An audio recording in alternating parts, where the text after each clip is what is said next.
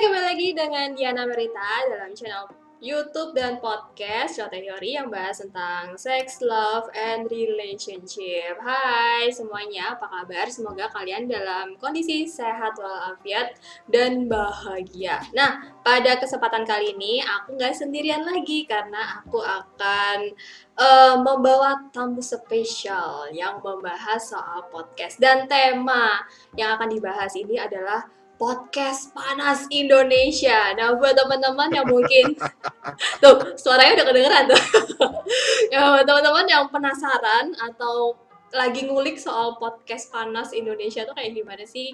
Ikutin terus channel YouTube dan podcast Jota Yari kali ini ya.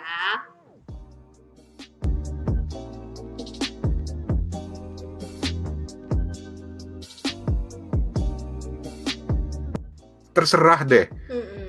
Ini ini uh, lu mau pakai aturan agama, lu mau pakai aturan RUU pornografi dan porno aksi, lu mau pakai aturan moral, terserah buat gue, kepentingan gue cuma satu. Hmm. Apakah konten itu mudah diakses oleh anak atau tidak? Oke. Okay.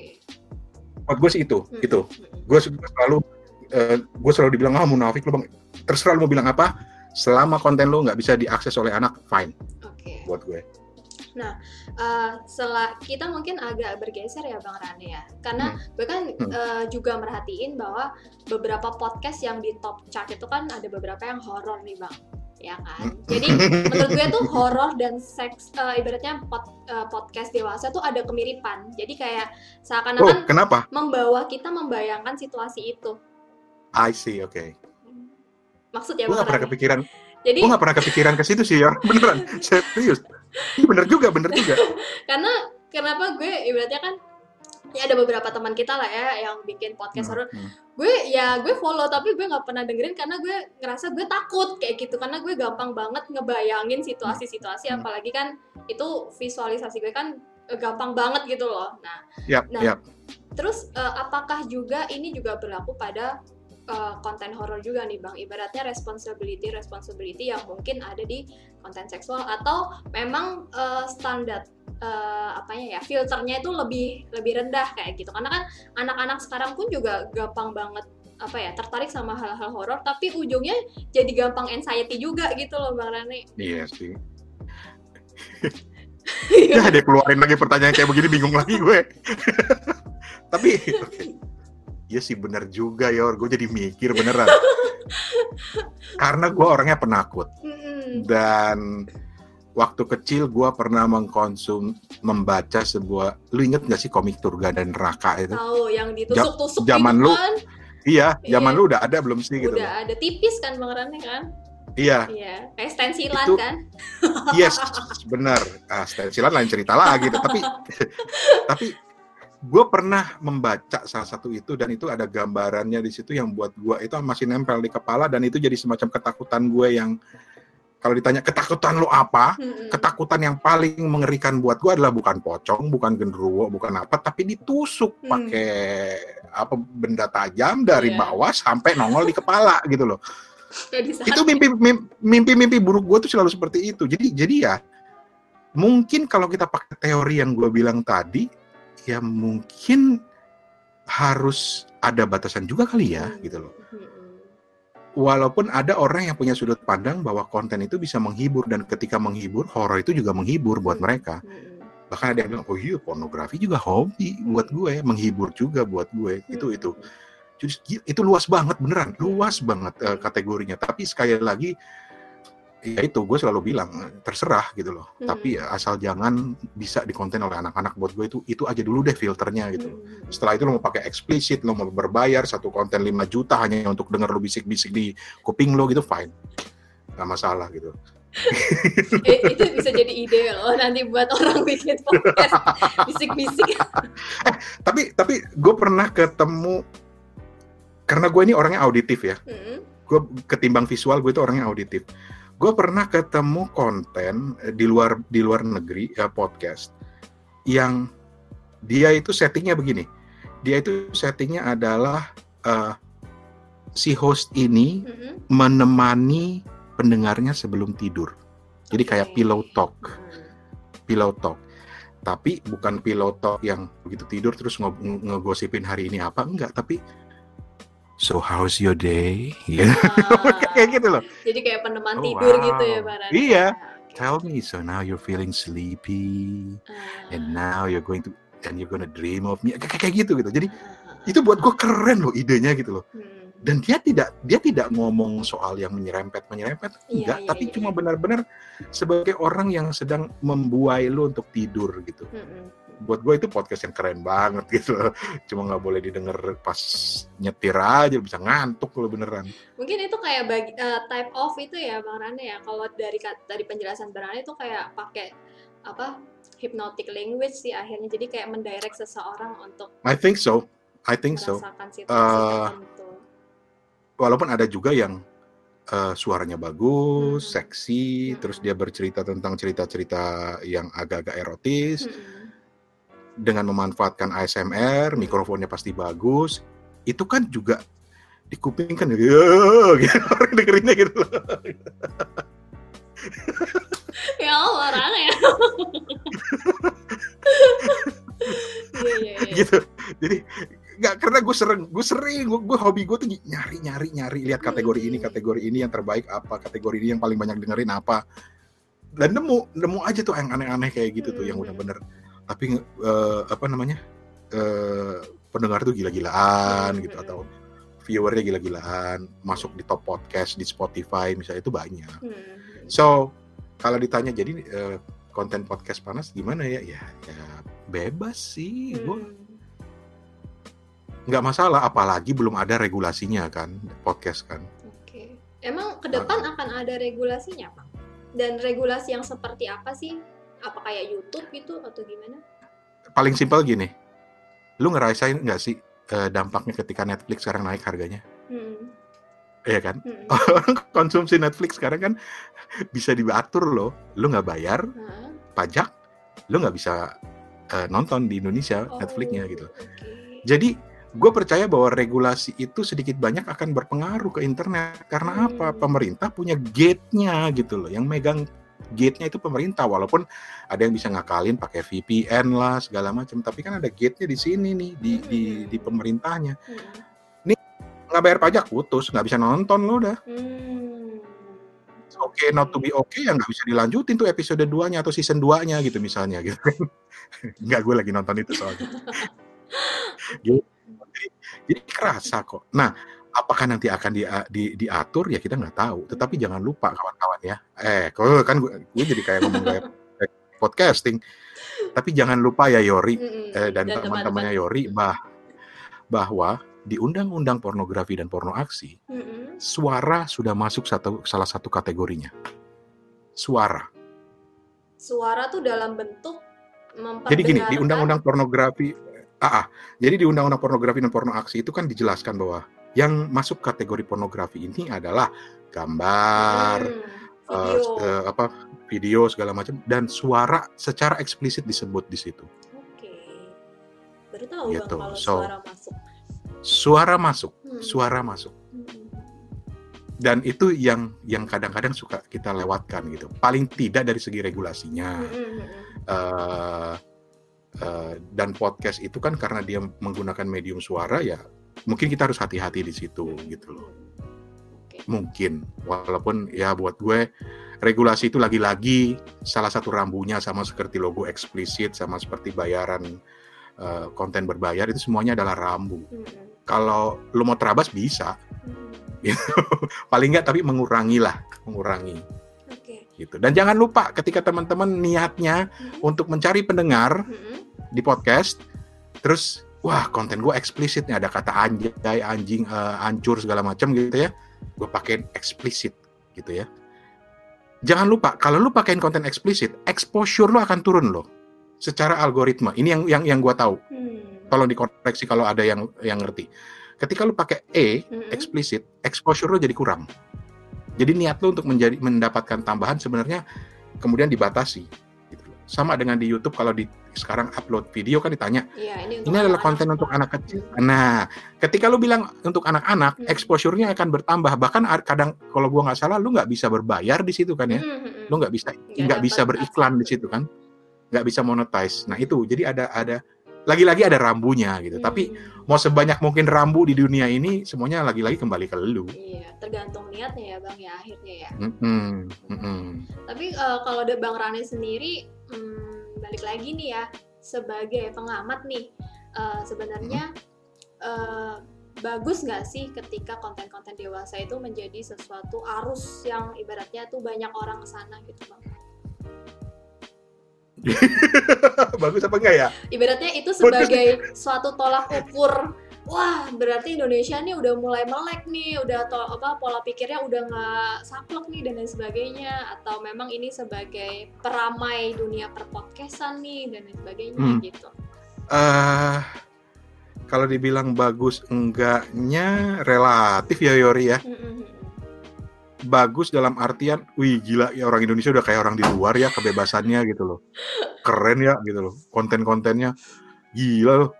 Kayak misalnya kan di, di luar negeri ada salah satu podcast favorit gue Joe Rogan gitu ya. Hmm. gue betah lo nonton nonton eh, karena dia di YouTube di YouTube juga dan gue suka nonton di YouTube Mm-mm. podcastnya karena eh, tamu-tamu yang diundang itu orang terkenal dan di tengah-tengah itu kemudian dia mereka ngobrol sambil nyimeng Oh, Gitu. nyimeng beneran? Nyimeng beneran. Oh, Oke. salah satu yang favorit gue adalah ketika, ketika dia ngundang siapa namanya eh pencipta mobil listrik eh, bukan mobil listrik yang punya roket itu loh Itu Ah, Elon. Musk. Elon Musk. Elon Musk nyimeng sambil ngobrol gitu loh. Udah ngomongnya udah teler segala macam. Atau mereka eh, ngobrol dengan Mike Tyson sambil mengkonsumsi eh, psikotropika apa gitu segala macam. Itu ada kayak gitu. Kan, kan, Serius Rani. Tapi Serius. tapi itu justru Bang Rani malah makin tertarik ya dengan dengan cara mereka seperti membawakannya atau justru memang jadi kejujuran Karena- kejujuran mereka yang akhirnya muncul kayak gitu. Nah, itu yang gue suka. Eh, eh, eh, bukan soal nyimengnya, tapi tapi bahwa buat karena buat gue podcast itu ketika gue ngobrol podcast ngo- ketika gue dengar podcast orang ngobrol, buat gue semakin natural dia ngobrolnya, semakin menarik gitu. Oke. Nah, kalau bahwa kemudian nanti ada di Indonesia yang ngikutin dengan pola-pola segitu ya nggak masalah gitu loh. Ya. Asal berani Pasti. ke cekrek aja. Nah, kita udah tahu semua konsekuensinya. Iya, iya, iya, semuanya iya. konsekuensinya udah ada gitu loh. Mhm. So eh, apalagi apalagi ketika podcast sekarang sudah semakin gila jumlahnya, persaingannya semakin tinggi, Mm-mm. Ya orang akan berusaha apa pun untuk bisa mendapatkan perhatian gitu kan, Mhm. untuk berebut kue kue perhatian dari audiens itu aku kemarin gue bikin workshop sama teman-teman sibuk nambah podcast baru gitu lu kebayang kan? Seribu itu aja menarik perhatian pendengar aja udah udah besar. Apalagi Mm-mm. semakin banyak lagi podcast gitu. Nah itu itu nanti akan kembali lagi kepada lu bahwa kalau gua pribadi ini ngomongan orang tua ya lihat Iya. jenggot gua udah tambah Iya. jenggot gua udah tambah putih gitu ketika gua ngomong kayak begini tapi buat gue ketika konten lo sincere Mm-mm. pasti ada yang dengerin ketika konten bahkan ketika lu ngobrolin soal seks, seks ya Mm-mm. sampai se ekstrim itu buat gue ketika lu sincere dan lu tahu eh, eh, lu merasa bahwa eh, eh, kalau gue bilang tanggung jawab ntar ke kesannya gue tambah tua lagi. Apa ya? Ya begini deh. Ketika lu merasa lu sincere dan Hmm. ketika lu eh, sadar betul dampak dari apa yang lu omongin ini Mm-mm. buat gue itu udah udah bagus banget kok. Tanpa lu harus menjadi orang lain atau pakai gaya hey guys apa kabar? Kita ketemu lagi. Nggak perlu gitu loh. Oke. just be sincere just be yourself. Mm. buat gue cepat atau lambat lu akan bertemu dengan eh, jodoh lo yaitu Oke. pendengar lo gitu loh satu aja eh dari tadi gue satu melulu ya eh pendengar podcast paling tinggi di Spotify saat ini Mm-mm. itu satu dia udah pakai handphone doang ngerekamnya Mm. Yang kedua, dia ngomongnya sincere banget, santai banget, seolah-olah lu di, menjadi seorang teman, cerita tentang keseharian, curhat, baca puisi segala macam. Mm. Nomor satu di Indonesia itu podcastnya tuh Rintik Seduh. Mm-mm. Podcast itu gue ini banyak yang memban banyak orang yang mungkin gak akan setuju gitu ya karena ini masalah selera. Tapi buat gue podcast itu adalah eh, yang harus ditonjolkan adalah unsur personalnya, personalnya. Mm. Karena apa? apa yang lu omongin masuk langsung ke telinga pendengarnya gitu loh. Hmm. Kalau di radio kan orang masih dengerin radio bareng-barang di mobil, di kantor, tapi kalau podcast tuh kan lu bener-bener masuk ke telinga pendengar lu dan Hmm. dan lu bayangin ketika konten seks yang masuk ke telinga orang Hmm. Bisa berdampak positif, bisa berdampak negatif gitu loh. Oke. Iya kan? Hmm. Eh, eh, eh, cerita-cerita yang seru gitu lu dengerin gitu kan. Hmm. Itu nyampe ke sininya lebih cepat. Lebih cepat ya, benar. Kalau guru radio gue selalu bilang kenapa ke- kuping itu lebih penting karena lebih dekat ke otak Iya. katanya. Secara biologis juga gitu, Bang. Secara biologis. gue bilang, "Ih, bener juga sih. So iya iya jadi jadi gitu kayak eh, eh, gimana sih sebenarnya lu bisa me- meng- memanfaatkan unsur-unsur personal itu untuk berbagai macam kepentingan. Oke. Yori misalnya dengan sex education-nya akan lebih akan lebih dalam ketika Yori menempatkan diri misalnya sedang ngobrol dengan seorang pasiennya misalnya Hmm. atau bukan ngobrol dengan banyak orang tapi ngobrol secara personal gitu loh. Hmm, hmm, hmm. Ya mau pakai ASMR juga bisa sih. Hey guys, ketemu sama Yori. Gitu. Geli gak sih? Ih. Soalnya Bang Rane gini Bang, gue tuh perasaan gue tuh bikin konten tuh biasa aja ya Bang ya. Ya walaupun kemarin kan sempat bahasnya masturbasi kayak gitu, tapi kan Hmm. masturbasinya kan as a science gitu kan ya Bang, so- Yap, soal yap, knowledge yap. kayak gitu. Nah banyak banget eh, listener atau eh, penonton itu wah masturbasi bareng saya ya mbak. Kayak gitu banyaknya tuh sih. Eh kampret kan bang Rane ibaratnya gue Iya gue tuh pembawaan gue tuh udah biasa ibaratnya kan. Nggak nggak seksi amat nggak apa kayak gitu. Tapi kok ternyata persepsi orang tuh juga ujungnya ke arah situ juga kayak gitu lah akhirnya. Itu jadi satu lagi satu bukti lagi kan Mm-mm. bahwa sebenarnya ini orang tuh beda-beda, iya benar-benar iya kan? Eh, kalau Yori mungkin bisa bilang ya terserah lah mau yang begitu ya terserah lah. Pokoknya Mhm. niat gua adalah education. Mm-mm. gitu. Tapi kan ada juga orang yang menafsirkannya lain. Aduh nih cewek lagi ngomongnya nyebut Iya. kata-kata itu lagi. Aduh, gua nggak bisa tidur nih malam ini. Ada yang kayak gitu, ada gitu. So so gimana ya?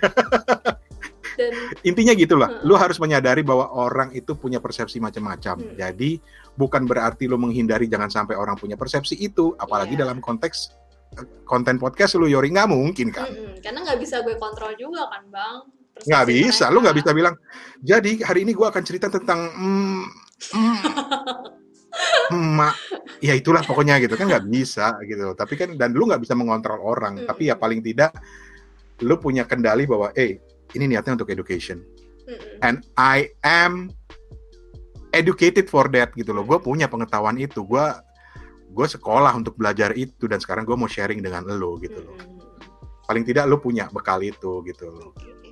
Ya, oke nih Bang Rane. Kan Hmm. kayak Bang Rane pernah cerita ke gue kan, wah, gue punya temen nih yang pengen bikin podcast dewasa. Nah, mungkin ada di ada luar ada sana beberapa banyak juga nih yang punya keinginan ke arah situ. Nah, mungkin dari Bang Hmm. Rane as a senior di dunia podcast, ada advice apa nih yang akhirnya yang apa-apa atau gimana deh terserah Bang Rane deh.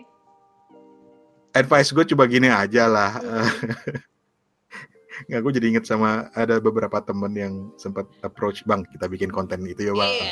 seruan malah malah ada ada satu temen yang oh this is ini ini cerita nyata nih maaf Iya, ya iya. nyimpang nyimpang dikit Gak gak apa-apa. Nanti gua jawab Seru, pertanyaannya. seru. tapi ini ada gue ada salah satu teman yang yang ngajak gue untuk bikin konten ini, semacam ini adalah temen yang gue kenal Hmm. aduh malu nih gue sebelumnya cerita cerita bodo amat temen yang gue kenal karena kita sama-sama dulu anggota mailing list Hmm. yang selalu isinya adalah berbagi cerita-cerita erotis Oke.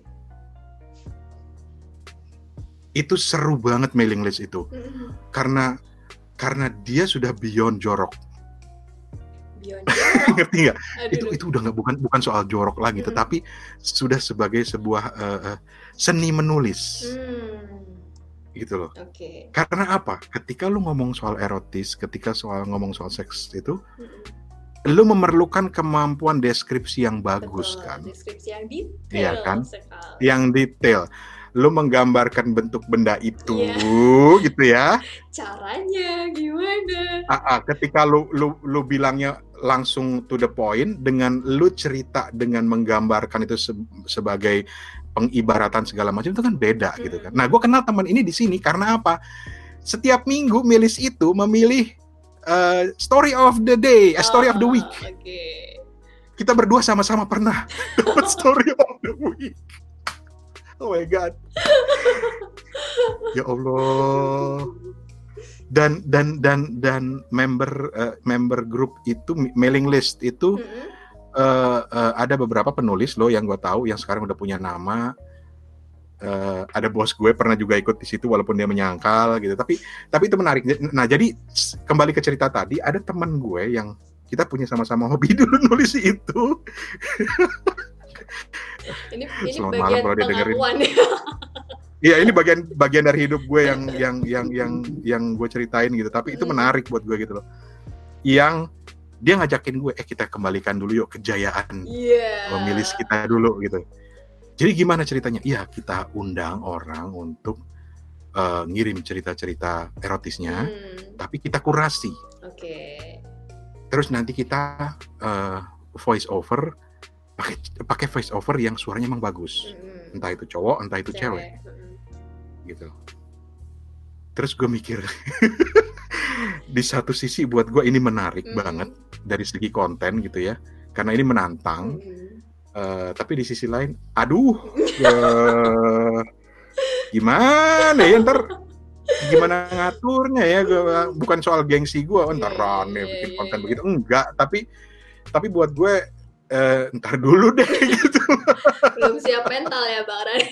belum siap mental karena kalau waktu dulu zaman-zaman kita di milis itu itu kan grup tertutup Mm-mm, mm-mm.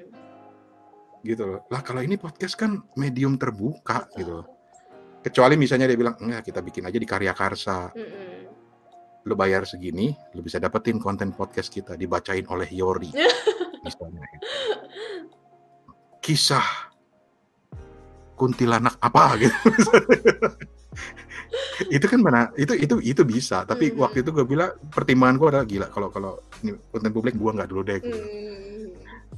ada juga teman yang mengajak sebenarnya oh enggak enggak enggak kita beri, kita bilangnya ini education Oke. terus gue bilang oke eh, education lu memang punya latar sebagai psikolog atau Mm. pernah punya latar sebagai dokter ya enggak lah kita bisa cari materi jadi gini loh kita cerita Mm-mm. jadi eh, latarnya adalah bercerita tentang ya, kisah-kisah seperti itu baru nanti moral of the- story di belakang kita cari ini padanannya dari ilmunya gitu Hmm. ilmu seksologi segala macam Mm-mm. penjelasan dokter Wimpi Pangkahila atau siapa gitu misalnya gue bilang daripada begitu mendingan lu cari yang benar-benar psikolog untuk Hmm. ngomong gitu ketimbang lu ngajak gue Karena akhirnya riskan juga ya Bang Rane ya, karena kan sekian banyak Yes. teori kan mungkin nggak semuanya kan juga pas gitu. kan. exactly itu kan sama aja lu bikin sinetron azab di belakangnya ada Pak Ustadz ngomong gitu menjelaskan this is the moral of the story jadi pemirsa kita lihat bagaimana anak kecil itu menyiksa pembantunya itu ternyata salah besar ya gitulah gitu jadi dipaksain Iya, iya. paksain karena niat lu sebenarnya mau bercerita kan bukan mau education Itu cuma buat cover awalnya aja ya Bang Rane. cover awalnya aja orang juga pasti akan non- uh, lebih mengkonsumsi konten utamanya ketimbang moral of the story-nya gitu Oke. Terus Itu balik sih. lagi ke Jadi- advice-nya apa nih Bang Rane? ya ad- advice gua adalah kalau advice gua adalah gua tidak punya advice maksud gua begini itu kembali ke lu sendiri kok lu mau bikin konten-konten apa pun gitu. Asal lu selalu ingat bahwa apa pun yang lu ucapkan apa pun yang lu sharing di publik akan memili- memiliki dampak. Itu aja. Dan buat gua itu kan nggak perlu selalu diperingatkan Hmm. karena secara secara natural secara diri kita sendiri kan kita udah punya kok mekanisme itu. Mekanisme untuk eh kalau gua ngomong ini nanti ada yang dengerin begini nggak ya? gitu loh. Mm-mm. Gitu gue pernah bilang begitu sama teman gue yang mau bikin bahkan lebih seru lagi dia mau bikin cerita kriminal Oke. eh, eh, tapi lebih kepada kriminal dia seorang kriminolog dia Hmm. mau cerita kriminal tapi penyimpangan penyimpangan bentuk kriminal penyimpangan penyimpangan kejahatan gitu loh Hmm. pola-pola orang yang punya yang aneh-aneh suka nyacah-nyacah orang segala macam kayak gitu Nggak masalah sih, cuma kan pasti lu punya kontrol. Apakah ketika lu menjelaskan itu secara detail misalnya, apakah itu ada dampaknya atau enggak? Nggak ada teorinya, dan itu semua kembali kepada lo. Jadi pagernya adalah lo sebetulnya. Yang lain itu cuma membantu jadi rambu. Supirnya tetap lo. Jadi lo tahu kapan mau nginjek rem, nginjek kopling, atau malah nggak jalan sama sekali, nggak apa-apa. Pagernya adalah lo. Makanya gue bilang, saran gue adalah nggak ada saran. Karena setiap orang punya mekanisme itu untuk eh, pada dirinya sendiri. Akhirnya. Habis gini loh, Yori, belajar dari, gue cerewet ya, tapi belajar dari eh, workshop gue kemarin Hmm. Sama teman-teman, banyak yang suka dikasih rambu. Oh. Bang, kalau begini gimana bang? Kalau begini gimana bang? Kalau gini boleh nggak bang? Gue bilang di, di dunia kreatif, di, di dunia konten kreator, anything is possible. Hmm. Rambunya cuma lu. Jadi karena Jadi, kalau nah. terlalu banyak rambu akhirnya jadi anu ya bang Karena ya jadi Nggak menarik, malah ya. malah malah malah nggak menarik. Hmm. Jadi gitu, itu sarannya. Tapi ini mungkin nggak akan membantu, tapi ya, ya, ya karena memang banyak sih yang suka, banyak yang suka dikasih rambu sekalian gitu loh. Jadi kalau mau bikin podcast, A harus begini, B harus begini, C, D, E, F. Kalau lu A sampai F udah terpenuhi, lu udah jadi podcaster. gua nggak nggak nggak nggak nggak nggak ngerti aja iya iya oke okay. berarti akhirnya balik lagi ke responsibility kita ya gimana kita pembawaan dan konten ini akan dibawa ke mana sih ujungnya jangan sampai nah. ketika bikin oke okay, viral terus udah lepas tanggung jawab ya ini kan lo udah tahu konten gue kayak gini kalau malah kayak gitu itu kan jadi iya. jahat banget ya bang ya akhirnya ya udah tahu gini lu kenapa dengerin? Gitu. Udah tahu nih obrolan Rane sama Yori gak ada manfaatnya, kenapa lu dengerin? Salah lu. Gitu. Oke Bang Rane, terima kasih banget ya udah mau satu jam nih Bang Sama-sama. Rane. Jadi kapan kita collab bikin konten panas? Ayo, pakai kipas atau pakai kompor? Nanti nanti gue yang bisik-bisiknya deh.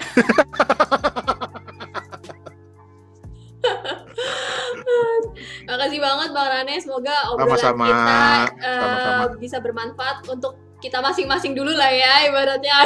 Hmm. dan syukur-syukur betul. bisa bermanfaat juga buat teman-teman yang lain yang mendengarkan ataupun yang menonton. Jadi ini loh, jadi teman-teman udah tahu ya ini sesepuhnya podcast ini. se- Bang Rane Alah. ini karena jujur aja gue banyak belajar podcast pertama kali itu dari Bang Rane. Jadi bikin pede dengerin suara sendiri didengar orang itu gimana. Padahal lu bukannya dulu dari awalnya udah orang radio, Yor. Ya radio juga Bang, kelamaan Bang Rane kali. Oke Bang Rane. Sukses pokoknya dengan Mm. podcastnya ya. Ya terima kasih ya Bang Rane ya. Sama-sama Yori. Oke, gimana nih teman-teman yang mungkin sudah punya pikiran bikin podcast dengan tema podcast panas atau podcast dewasa. Nah, mungkin dengan konten ini bisa menjadi suatu hal yang sedikit berhati-hati dalam membuat konten panas karena ya kembali lagi seks itu masih sesuatu yang tabu dan kita juga perlu berhati-hati dalam penyampaiannya. Jangan sampai ketika ini seks edukasi udah ber eh, di mana-mana justru dengan adanya pembahasan soal seksual di podcast yang justru ke arah hal yang kurang baik itu justru membuat seks itu menjadi semacam hal yang bikin merusak lagi. Jadi jangan ya balik lagi ya teman-teman akhirnya persepsi itu kan ada di teman-teman tapi seperti yang Bang Rane bilang kita semua punya tanggung jawab untuk memberikan konten yang baik bagi pendengar kita. So begitu dulu terima kasih yang sudah mengikuti podcast panjang dan YouTube panjang kali ini. Semoga bermanfaat. See you in the next video dan episode. Bye.